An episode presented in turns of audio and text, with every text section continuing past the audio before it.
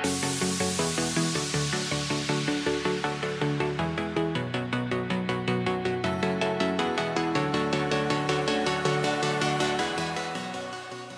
semuanya, ketemu lagi sama gue Ditya Hadi alias Baca Buku Dan sekarang gue lagi bersama seorang penulis Yang namanya Mbak Rusia Priandarini Benar ya Mbak? Hmm, Panggilannya Mbak Rini aja? Rini ya. Rini, nah ini sih mungkin yang buat yang belum tahu Mbak Rini ini udah ngeluarin 4 buku, bener ya Mbak?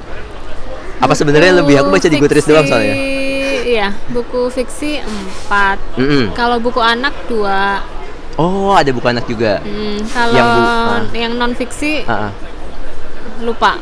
Tapi itu udah Banyak Lupa tuh Ah. artinya terlalu sedikit atau terlalu banyak nggak ngitung karena udah lama. Oh, udah lama Ah, banget. ah. Oke. Nah, kalau yang buku fiksinya itu yang terbaru itu Dua Garis Biru, adaptasi Hmm. dari uh, filmnya Mbak Gina Esnur. Hmm. Sebelum itu juga apa? Bikin Posesif dari Mbak Gina Esnur juga. Kemudian sebelumnya lagi ada dua buku fiksi itu 11. Bacanya gimana, Mbak? 11 11? 11 ya. 11 11 sama episode Hujan. Heeh. Nah, dari kalau yang buku anaknya apa Mbak judulnya? Itu sebenarnya eh, dari keluarga Cemara. Oh, yang Ara sama dua. Gina juga. Oh, iya, dunia iya, Ara iya. itu. Jadi tokohnya sama si Ara ini tapi Ah. dibikin dunia dibikin cerita baru Oh, iya. dari universe yang sama itu. Salah satu judulnya tuh kalau nggak salah melompat lebih tinggi. Iya. Iya benar ya. Mengapa Ara lompat-lompat ya? Oh, Kok ya, tahu sih? Mengap? Ah, baca dong mbak kan sebagai kalau mau interview orang kita baca dulu. Oh iya iya iya. iya. Berhubung mbak juga pernah di media juga kayaknya tahu lah ya. Mhm. Satu lagi apa lupa? Teman baru Ara. Teman baru Ara. Oke. Kalau yang buku non fiksinya mungkin bisa di share. Buku non fiksi tuh sebenarnya kebanyakan karena pesanan sih. Oh. Pesanan dari penerbit. Tapi contohnya kayak gimana? Contohnya buku wirausaha, panduan Oh. memulai usaha di rumah gitu loh. Berarti kayak buku-bukunya Alex gitu atau Transmedia. Transmedia. Oh iya Transmedia juga. Iya nah kalau dari aku penasaran sih mbak kan udah bikin banyak buku nih menurut aku sih banyak ya. Nggak tahu kalau mbak Rini mikirnya banyak. Yang paling bikin mbak Rini dikenal tuh yang mana sih? Kayak eh mbak Rini aku kenal mbak dari buku ini. Boleh kenalan gak kayak gitu-gitu. Kalau yang dikenal pertamanya pastinya adaptasi ya, posesif. yang posesif. Ha, dari itu cukup laku ya mbak? soalnya jujur aja aku nggak nonton soalnya. Oh, lebih laku dua garis biru pastinya. Ah, ah. Tapi itu tadi yang tadi kita cerita yang lebih memuaskan buat saya sih posesif. Oh. Eh, ini boleh diceritain gak sih mbak soal yang obrolan off air tadi Boleh sih. Oh iya jadi Boleh kan? tadi jadi Mbak Rini ini sebenarnya tadi bilangnya rada kecewa dengan adaptasi dua garis biru. Kenapa nih Mbak? Itu kecewa, kecewa sama tulisan saya sendiri sih. Iya iya. Karena Karena karena ada bandingannya. Kalau yang pertama yang posesif itu waktunya lebih panjang. hmm, Terus eh, berapa lama tuh Mbak? Berapa bulan ya? Sekitar tiga bulanan gitulah. Tiga bulan. Oke. Ah, tiga Kalau dua bulanan. garis biru? Dua garis biru itu sebenarnya karena t- jadi gini, awalnya saya bikin novel itu hanya berdasarkan skrip. Hmm, Jadi, Jadi dari rencananya skripnya yang itu yang bener Mbak Gina kan ya? Hmm. Ya Mbak Gina nulis, habis itu diambil gitu ya. Mm-mm. Terus? jadi Gina kasih ke saya. Terus rencananya mau terbit itu bareng sama launching ininya, bareng sama premiernya. Oh bareng ya. Sama kayak posesif, posesif itu malah novelnya duluan yang terbit. Oke. Jadi waktu press conference itu jurnalis itu sudah bawa buku novelnya ini pulang. Oke. Nah, tadinya mau kayak gitu, tapi ternyata di pending diubah Hmm. jadwalnya. Sebenarnya waktunya akan jadi lebih lama, tapi ternyata skenario itu berubah setengah setengah dari skenario awal yang dikasih ke saya itu berubah. Oke. Jadi mau nggak mau harus rewrite eh, dalam waktu singkat dengan skenario yang baru itu. itu Mbak Rini udah nulis berapa persen? Udah selesai. Uh. Draft. Gue gak Tapi emang kebayang kayak sih. gitu sih. Oh, oh gitu. Kalau nulis Eh, adaptasi dari apa? Nulis semua fiksi kayak gitu. Katanya draft ke-8 itu baru oke. Oke, Oh ini udah sampai selesai. Tapi kan biasanya kalau rewrite itu nggak nggak sampai ngubah kayak drastis gitu. Ini cukup merubah drastis atau gimana? Novel saya yang pertama tuh lumayan loh perubahannya Yang karena di Satu yang pertama itu yang yang episode hujan. episode hujan. Nah, Oke. itu Bercerita tentang apa dunia media ya mbak Iya iya. dunia media walaupun saya belum baca nih ini saya Iya, baca iya. sinopsisnya doang aduh diketawain sama penulisnya malu jadi buku ini Maksudnya wajar belum baca karena udah nggak ada lagi. oh gitu Heeh. tadi dulu yang terbitin Grasindo Grasindo ya Kenapa nggak? lagi. nggak nggak dicetak ulang maksudnya Eh, cetak ulang dua kali habis itu udah. oh gitu ya kalau yang buat belum eh tapi ada di Gramedia digital nggak ya nanti aku cek Belum pernah coba cari. Karena aku baca dua garis biru juga Gramedia digital Oh, iya, iya, iya. Iya, jadi bukunya berkisah tentang di dunia media. Sebenarnya dia mau masuk ke media yang wah gitu, tokoh ceweknya, tapi dia dilarang sama ibunya apa? Mhm, Ya sama mhm. orang tuanya. Jadi dia masuk majalah yang rada lifestyle lah Mhm, gitu. mhm. Terus tapi dia malah justru kayak ketemu orang di media yang dia tuju itu yang ternyata kayak apa ya deket dengan orang yang dia idolai gitu lah. Kurang lebih lah. Aduh, jadi kayak enak nih, nggak baca baca. Iya, jadi itu di rewrite berapa kali mbak? Yang mana nih? Yang eh, apa episode hujan? Itu editingnya setahun. Jadi udah selesai nulis, diedit lagi setahun, baru di Itu panjang ceritanya. Mau gimana gimana nggak? gimana? Waktu kita banyak kok. Jadi gini, itu sebenarnya awalnya saya ketemu Gina itu dari situ justru. Oh oke. Dari episode hujan itu. Jadi saya eh, enggak, jadi gini. Aw, sebelum itu Mm-mm. saya saya kan gabung di komunitas namanya 1001 buku. Oke. 1001 buku tuh kita ngumpulin buku dari orang untuk didistribusikan ke teman-teman baca. Oh iya iya iya, saya pernah Nah, dengar. waktu itu Gina nge-tweet. "Eh, aku lagi beresin rumah nih, lagi Oh. banyak buku. Ada yang mau ngambil nggak gitu. Terus ada teman mention 1001 buku. Waktu itu adminnya aku. Oh jadi mbak mbak Rini itu salah satu admin di 1001 Dulu buku. ya. Dulu ya. Eh, zamannya Twitter masih jaya. Oh, sekarang masih nggak mbak buat orang-orang tertentu. Iya. Iya. Nah terus akhirnya karena aku paling deket rumahnya dari Gina, Gina waktu itu masih di Bintaro, aku di Ciputat. Oke. Terus akhirnya aku ambil. Mm-mm. Itu baru pertama kenal. Terus eh, dari situ kan ngobrol-ngobrol, terus aku baru tahu bahwa dia punya penerbit namanya Plot Point. Oh iya iya iya iya. Aku pernah dengar juga. Terus eh, waktu itu emang lagi proses nyelesain yang episode hujan itu yang Hmm. naskah pertama itu. Setelah itu aku masukin ke penerbitnya. Kenapa aku masukin ke pener- penerbitnya Gina? Karena aku tahu buku-bukunya itu idealis Oke. dan bukuku waktu itu yang episode hujan itu nggak ada romannya, nggak ada percintaannya. Iya benar. Awalnya, draft awalnya. Oke. Jadi aku masukin ke situ. Mm-mm. Nah setelah editing setahun, Mm. penerbitnya tutup, plus si ini tutup. Oke. Udah dikerjain 2 tahun, dimasukin ke penerbit setahun, tutup lagi penerbitnya. Oke. Heeh. Eh, terus si Gina bilang, wah sayangnya nggak jadi, ini nggak jadi kerjasama. Terus dia Heeh. bilang next time kalau ada project aku kontak. Mm-mm. Nah itu jadi setelah setelah dua tahun plus setahun terus masuk ke penerbit lain Mm-mm. itu Apa, Mbak? belum bentang itu nggak diproses setahun terus setelah itu baru masuk ke Grasindo ke Grasindo tiga bulan Langsung terbit. baru terbit ha. Aku nggak kebayang sih kayak nulis dua bulan, eh dua tahun, kemudian masuk ke plot point nggak jadi terbit setahun, terus eh, masuk ke bentang nggak terbit lagi setahun, udah empat tahun, terus tiga bulan. Itu waktu terbit rasanya gimana, Mbak? waktu terbit ya sebenarnya udah pasrah sih Oke. ya udahlah nih mau terbit mau nggak apa kayak eh yaudahlah gue terbitin sendiri gitu self publishing gitu. oh enggak aku nggak nggak kepikir self publishing karena aku nggak bisa jualan Oke. males jualan Jadi Jadi- ya udahlah gitu. Heeh, eh, dan ya kalau masuk penerbit mayor kan akhirnya ada banyak perubahan ya. Nah, hmm, diedit lagi soalnya. Heeh. nah yang di Grasindo tuh udah dalam fase ya udahlah gitu. Oke. Tapi sebenarnya eh, itu adalah titik tengah yang akhirnya bikin aku bisa lebih menghargai karyanya Gina juga gitu. Jadi Gina itu kan tipe orang yang dia karyanya itu bisa menang festival, tapi dia juga bisa eh, terjual banyak tiketnya. Kan biasanya kita suka Ya, kadang-kadang yang festival sama yang populer itu beda Ah, gitu. Ya, nah Gina itu adalah orang yang bisa menemukan titik tengah itu dan aku belajar dari dia. Jadi gimana bikin sebuah karya yang bagus secara teknis tapi juga bisa diterima bisa masyarakat. uh, di- bisa diterima banyak orang dan itu memang harus ada idealisme yang di setting ulang lah Hmm.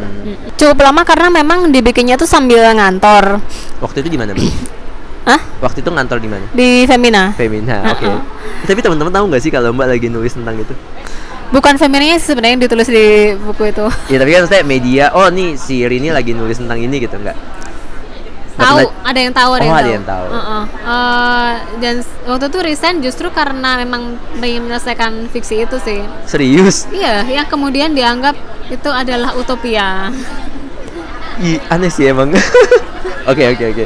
karena nggak kelar-kelar kan udah dua tahun Oh. ditulis lama karena sambil ngantor itu karena kan kalau jadi jurnalis harus kerjain event harus eh, lembur terus kadang sabtu minggu juga ada liputan jadi Mm-mm. kita ngerjainnya adalah dalam perjalanan pulang pergi kantor sama nunggu narasumber antara lain di kereta. Jadi waktu itu masih zaman BlackBerry pakai BlackBerry ngetiknya jadi dapat misalnya satu hari satu paragraf atau satu halaman itu tergantung dari lamanya kita di kereta atau sambil nunggu narasumber itu.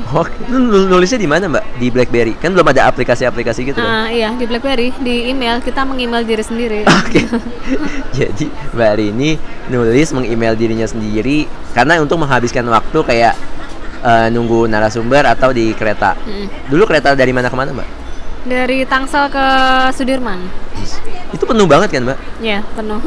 Terus maksudnya gimana? Apa sambil berdiri atau sambil berdiri justru bisa ngetik kar- kalau keretanya sangat padat sehingga nggak punya ruang untuk gerakan jadi Heeh. justru sambil pegang BlackBerry itu bisa atau bela-belain ambil kereta yang balik jadi dapat tempat duduk sehingga Oh bisa iya. ngetik Iya, jadi kayak buat yang mungkin ya jarang naik kereta. Jadi kadang-kadang orang tuh biar dapat sepi, misalnya dari stasiun di tengah, dia ke stasiun yang awal dulu gitu, biar eh, oh di sana kan biasanya belum banyak penumpang, jadi bisa dapat duduk sampai tempat tujuan gitu kan.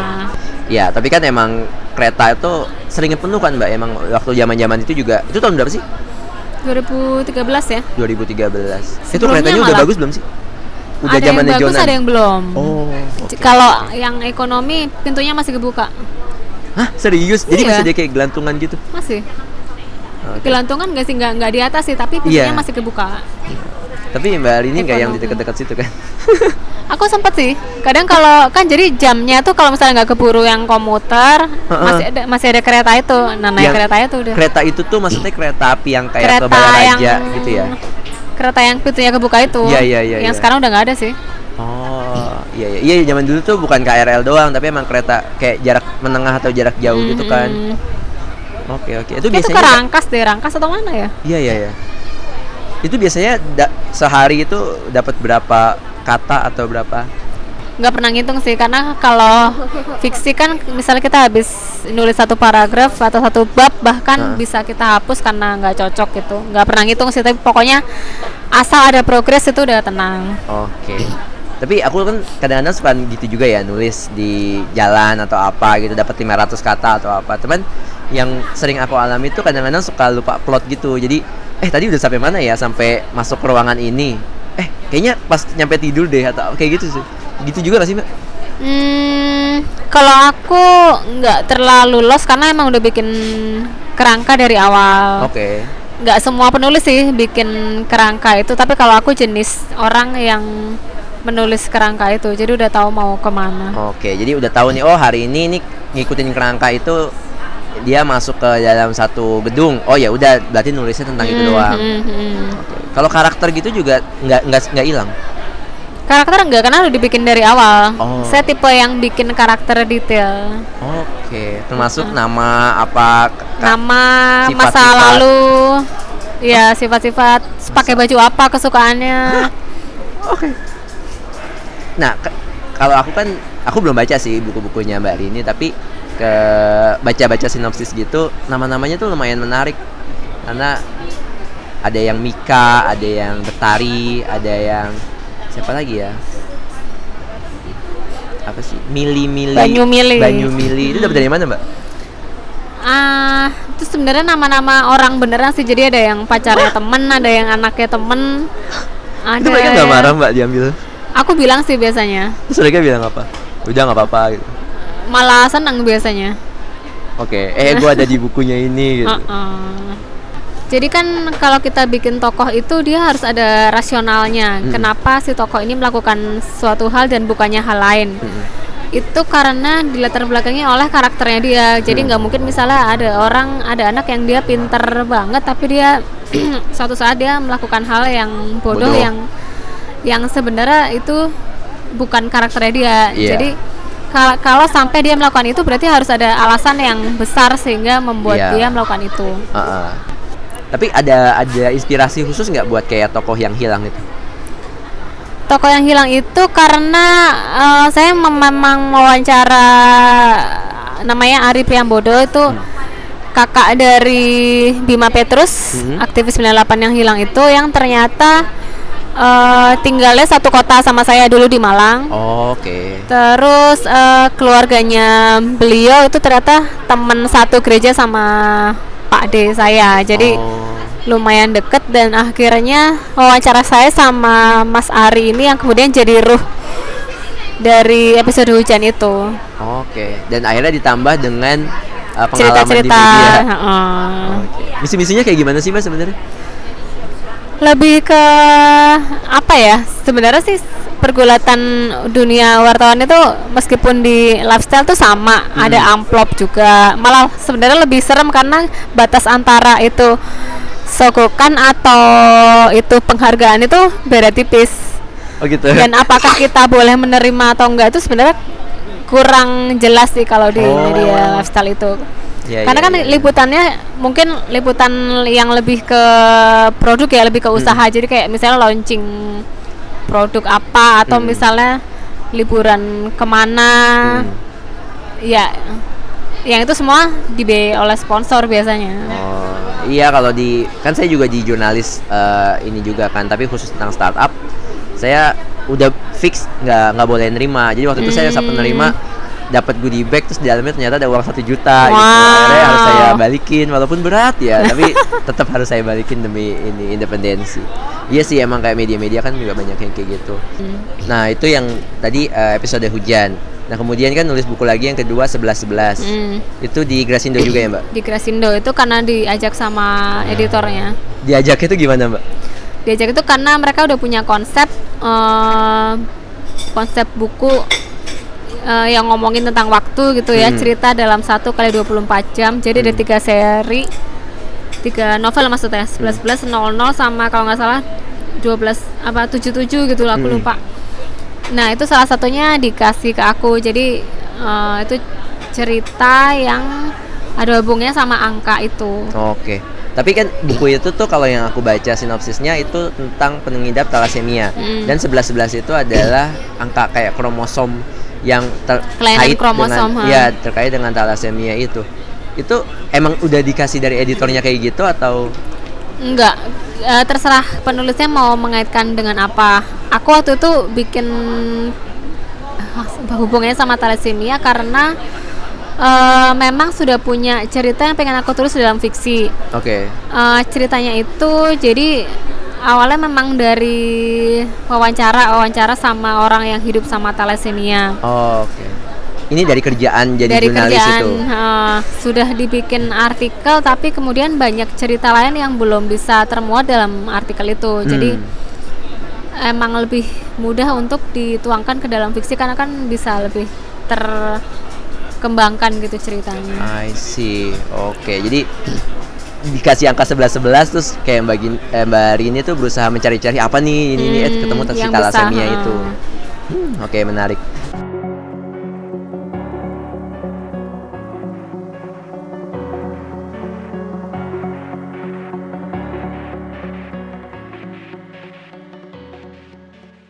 Nah, ini sebelum ngomong lebih lanjut tentang Mbak Rini sendiri, aku mau kayak ngomongin tentang buku yang nggak tahu ya kan aku taunya Mbak Rini itu dari si dua garis biru itu gitu. Hmm. Tapi emang buku ini yang paling populer sejauh ini atau yang populer iya ya? Oke oke oke oke. Nah, cuman aku punya pertanyaan sih karena aku tuh termasuk orang yang sebenarnya nggak bukan nggak suka ya nggak percaya kalau endingnya tuh seperti ini gitu oh ya aku sama istri aku juga kayak gitu gitu bener kan ya jadi endingnya tuh buat yang belum nonton nggak apa-apa lah ya spoiler karena kan udah lewat juga jadi eh, ceritanya kan dua garis biru itu ada dulu satu orang cewek dan satu orang cowok yang masih SMA tapi kemudian mereka eh, melakukan hubungan seksual hamil di luar nikah yang akhirnya anaknya harus dilahirkan lah. Mereka memutuskan untuk menikah dan melahirkan anaknya. Nah tapi endingnya itu adalah si cowoknya si Bima itu justru mengambil anak mereka Hmm, untuk dirawat bersama dia dan keluarganya. Ta- karena sang cewek yang namanya Dara itu justru memutuskan untuk lanjutin kuliah di Korea. Bener ya mbak? Hmm. nah itu tuh kayak menurut aku tuh kayak nih with all due respect buat cewek lain di luar sana yang juga melakukan itu misalnya suatu hal sebelum di eh, suatu saat gitu. Tapi aku mikir kayak yang paling mendekati kenyataan itu justru yang kalau si cewek itu ngambil anak iya gak sih yang? Ya kalau ceweknya yang tanggung jawab akan anaknya bukan pihak cowok yang tanggung jawab akan anaknya ya itu yang lebih mendekati kenyataan kan Iya. nah kayak menurut Bari ini tuh kayak gimana Kalau menurutku juga kayak gitu dan pasti hampir semua orang yang nonton juga kayak gitu. Heeh. Tapi kalau dalam cerita film Heeh. harusnya emang endingnya seperti yang dibuat di dua garis biru itu karena cerita serupa udah banyak.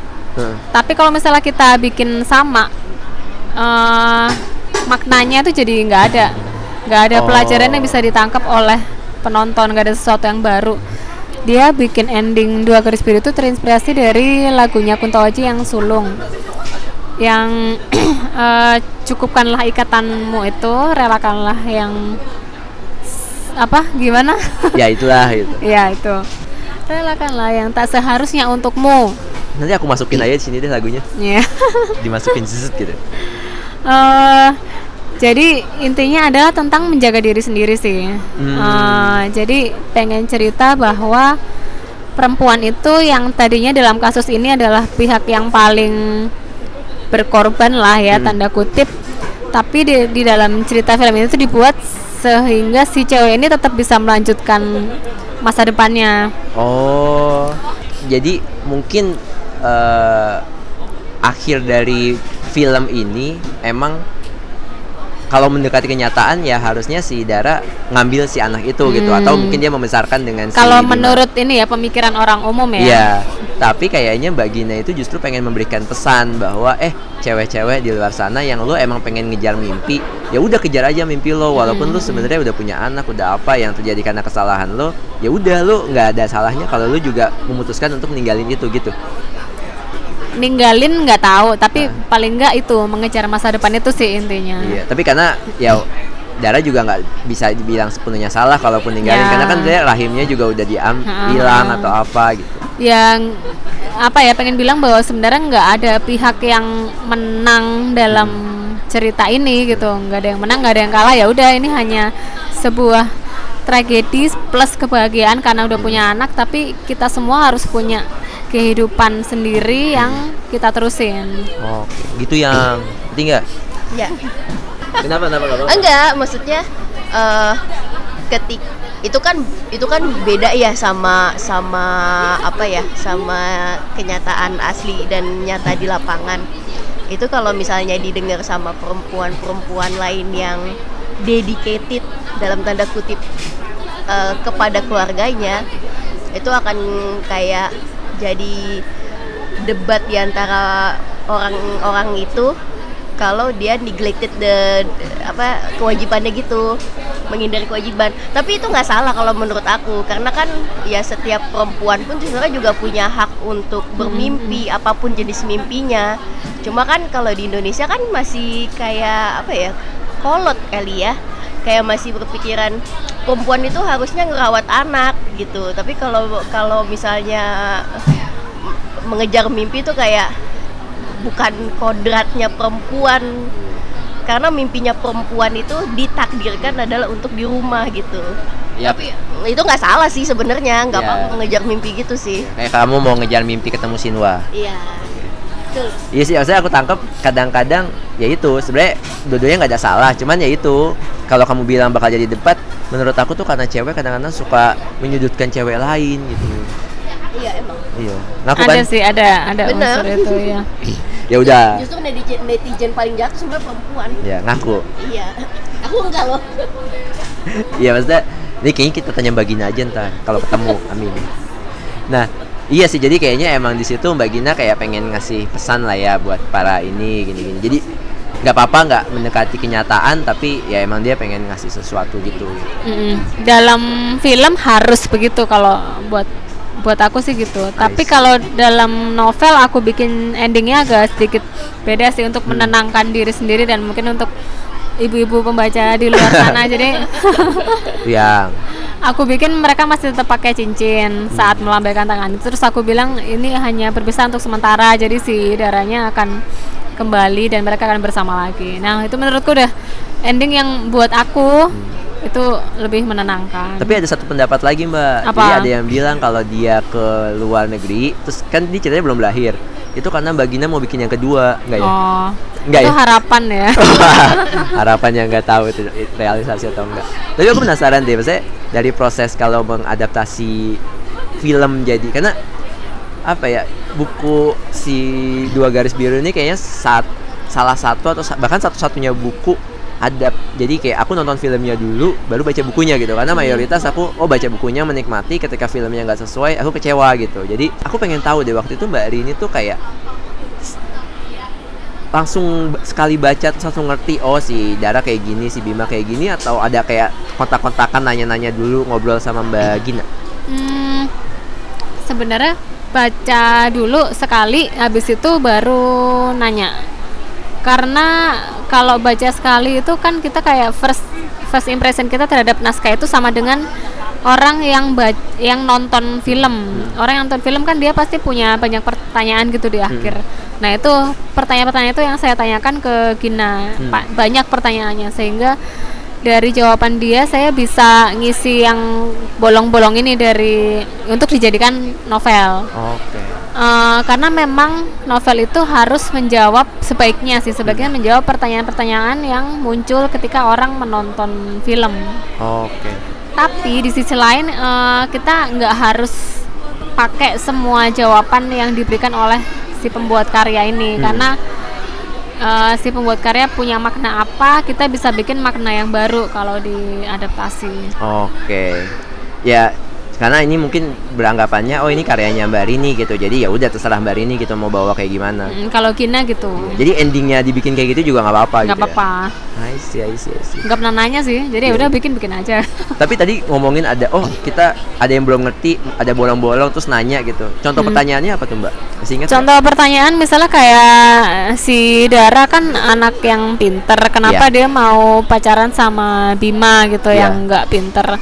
Nah ternyata setelah baca karakterisasinya dan setelah nanya di si Gina bilang Iya Dara itu emang pinter tapi sebenarnya itu karena kurang lebih diarahkan sama ibunya yang Hmm. dominan. Hmm. Sementara dia sendiri secara karakter dia adalah anak yang suka mencoba hal baru dan santai sih sebenarnya anaknya. Dan ketika dia bersama Bima, dia merasa bisa jadi dirinya sendiri dan merasa Eh, diterima. Bima, ya.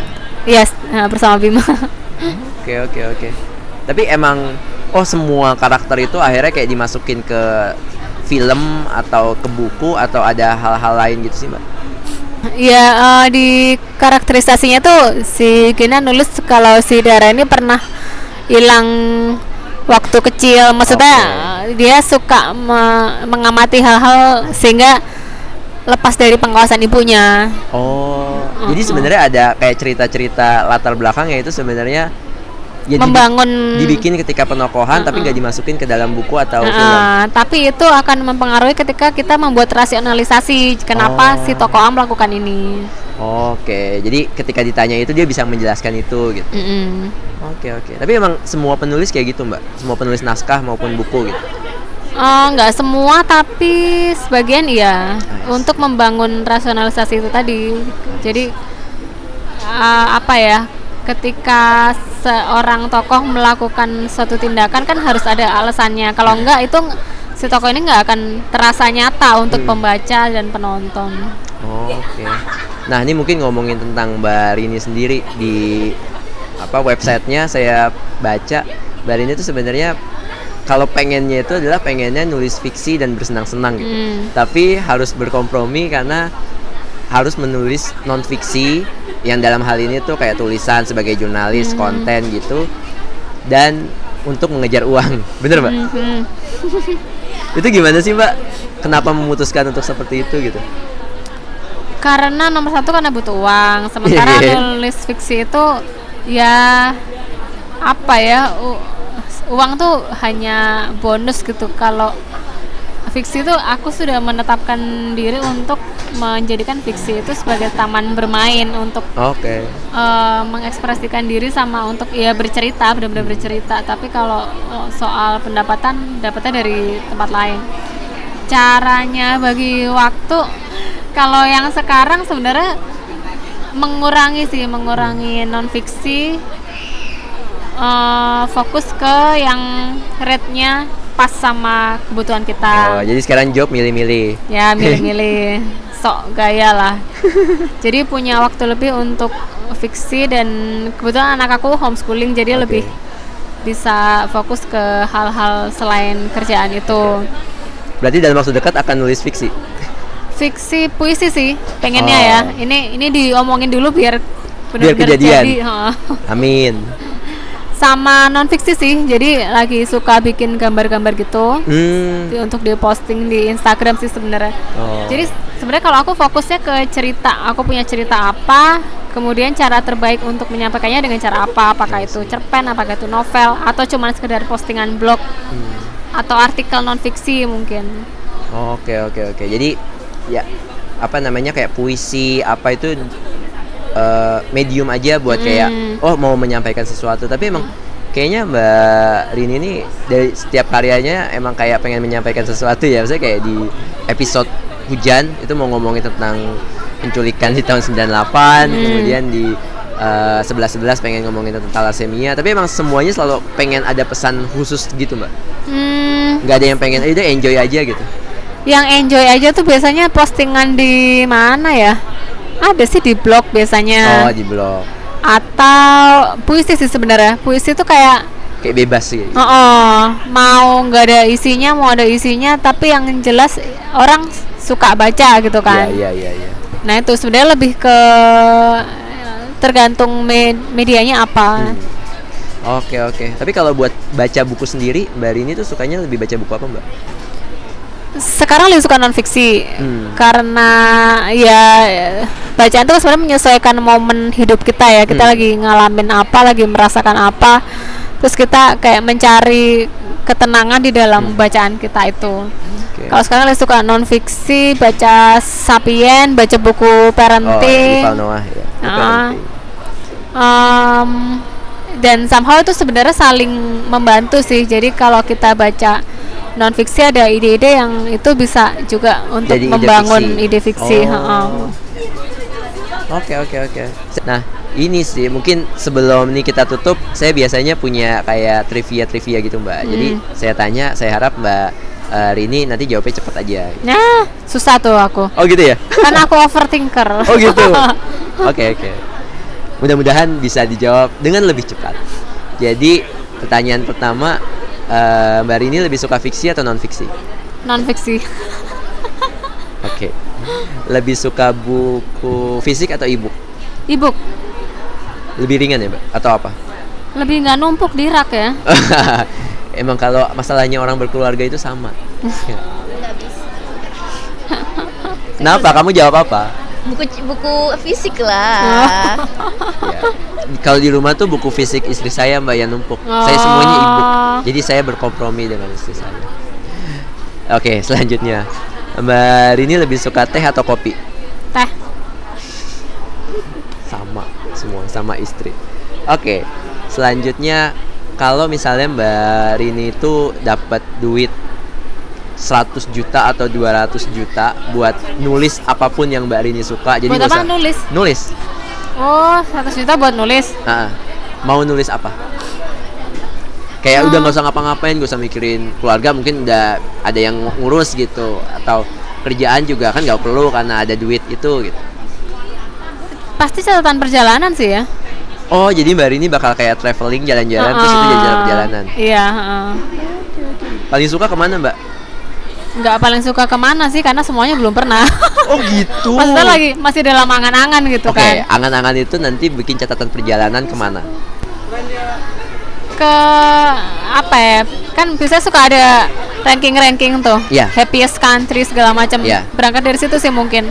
Jadi pertama, Jadi kayak eh, kalau tiga deh, tiga terbesar. sekarang apa sih happiest country itu? Denmark bukan ya? Oh, Skandinavia gitu ya. Eh, ap- apa yang membuat mereka happy? Terus kayaknya ada juga yang negara miskin tapi mereka rankingnya tinggi deh Hmm. kegembiraannya. Lebih ke Karena itu pengen sih. tahu sebenarnya kenapa mereka bisa bahagia atau apa. Hmm, Iya kayak gitu sih. Menarik, menarik. Oke, selanjutnya.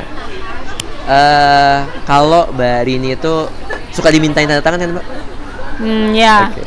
Biasanya tanda tangan doang atau ada tulisan apa? Itu sebenarnya tergantung waktu sih. Kalau misalnya Oke. waktunya cukup, aku tulisin pasti. Hmm. Minimal untuk siapanya. Oh, nanya namanya untuk siapa, terus tanda tangan. Oke. Kalau waktunya cukup, misalnya mereka minta ditulisin apalah kata mutiara itu biasanya nulisin. Hmm. Biasanya apa kata mutiaranya? Eh, apa ya standar sih life life is short, make it fabulous gitu lah. Terus atau ber- membaca adalah bermimpi dengan mata terbuka. Oke. Itu nggak tahu tuh kata-katanya siapa ya, tapi pokoknya tuh bagus. Anonimus enggak, enggak. enggak. Oke, ini selanjutnya pertanyaan terakhir nih kayaknya ini sih terserah Mbak Rini mau ba mau ba jawab atau enggak karena rada-rada ini beberapa narasumber saya juga nggak mau jawab gitu atau emang nggak ada aja gitu. Hmm. Jadi biasanya kan orang oh penulis siapa yang favorit kamu atau buku mana favorit kamu? Aku malah mau nanya penulis Indonesia atau mungkin penerbit Indonesia yang paling Mbak Rini nggak suka. Ada nggak? Penulis atau pembaca ya. Ini sebagai pembaca ya.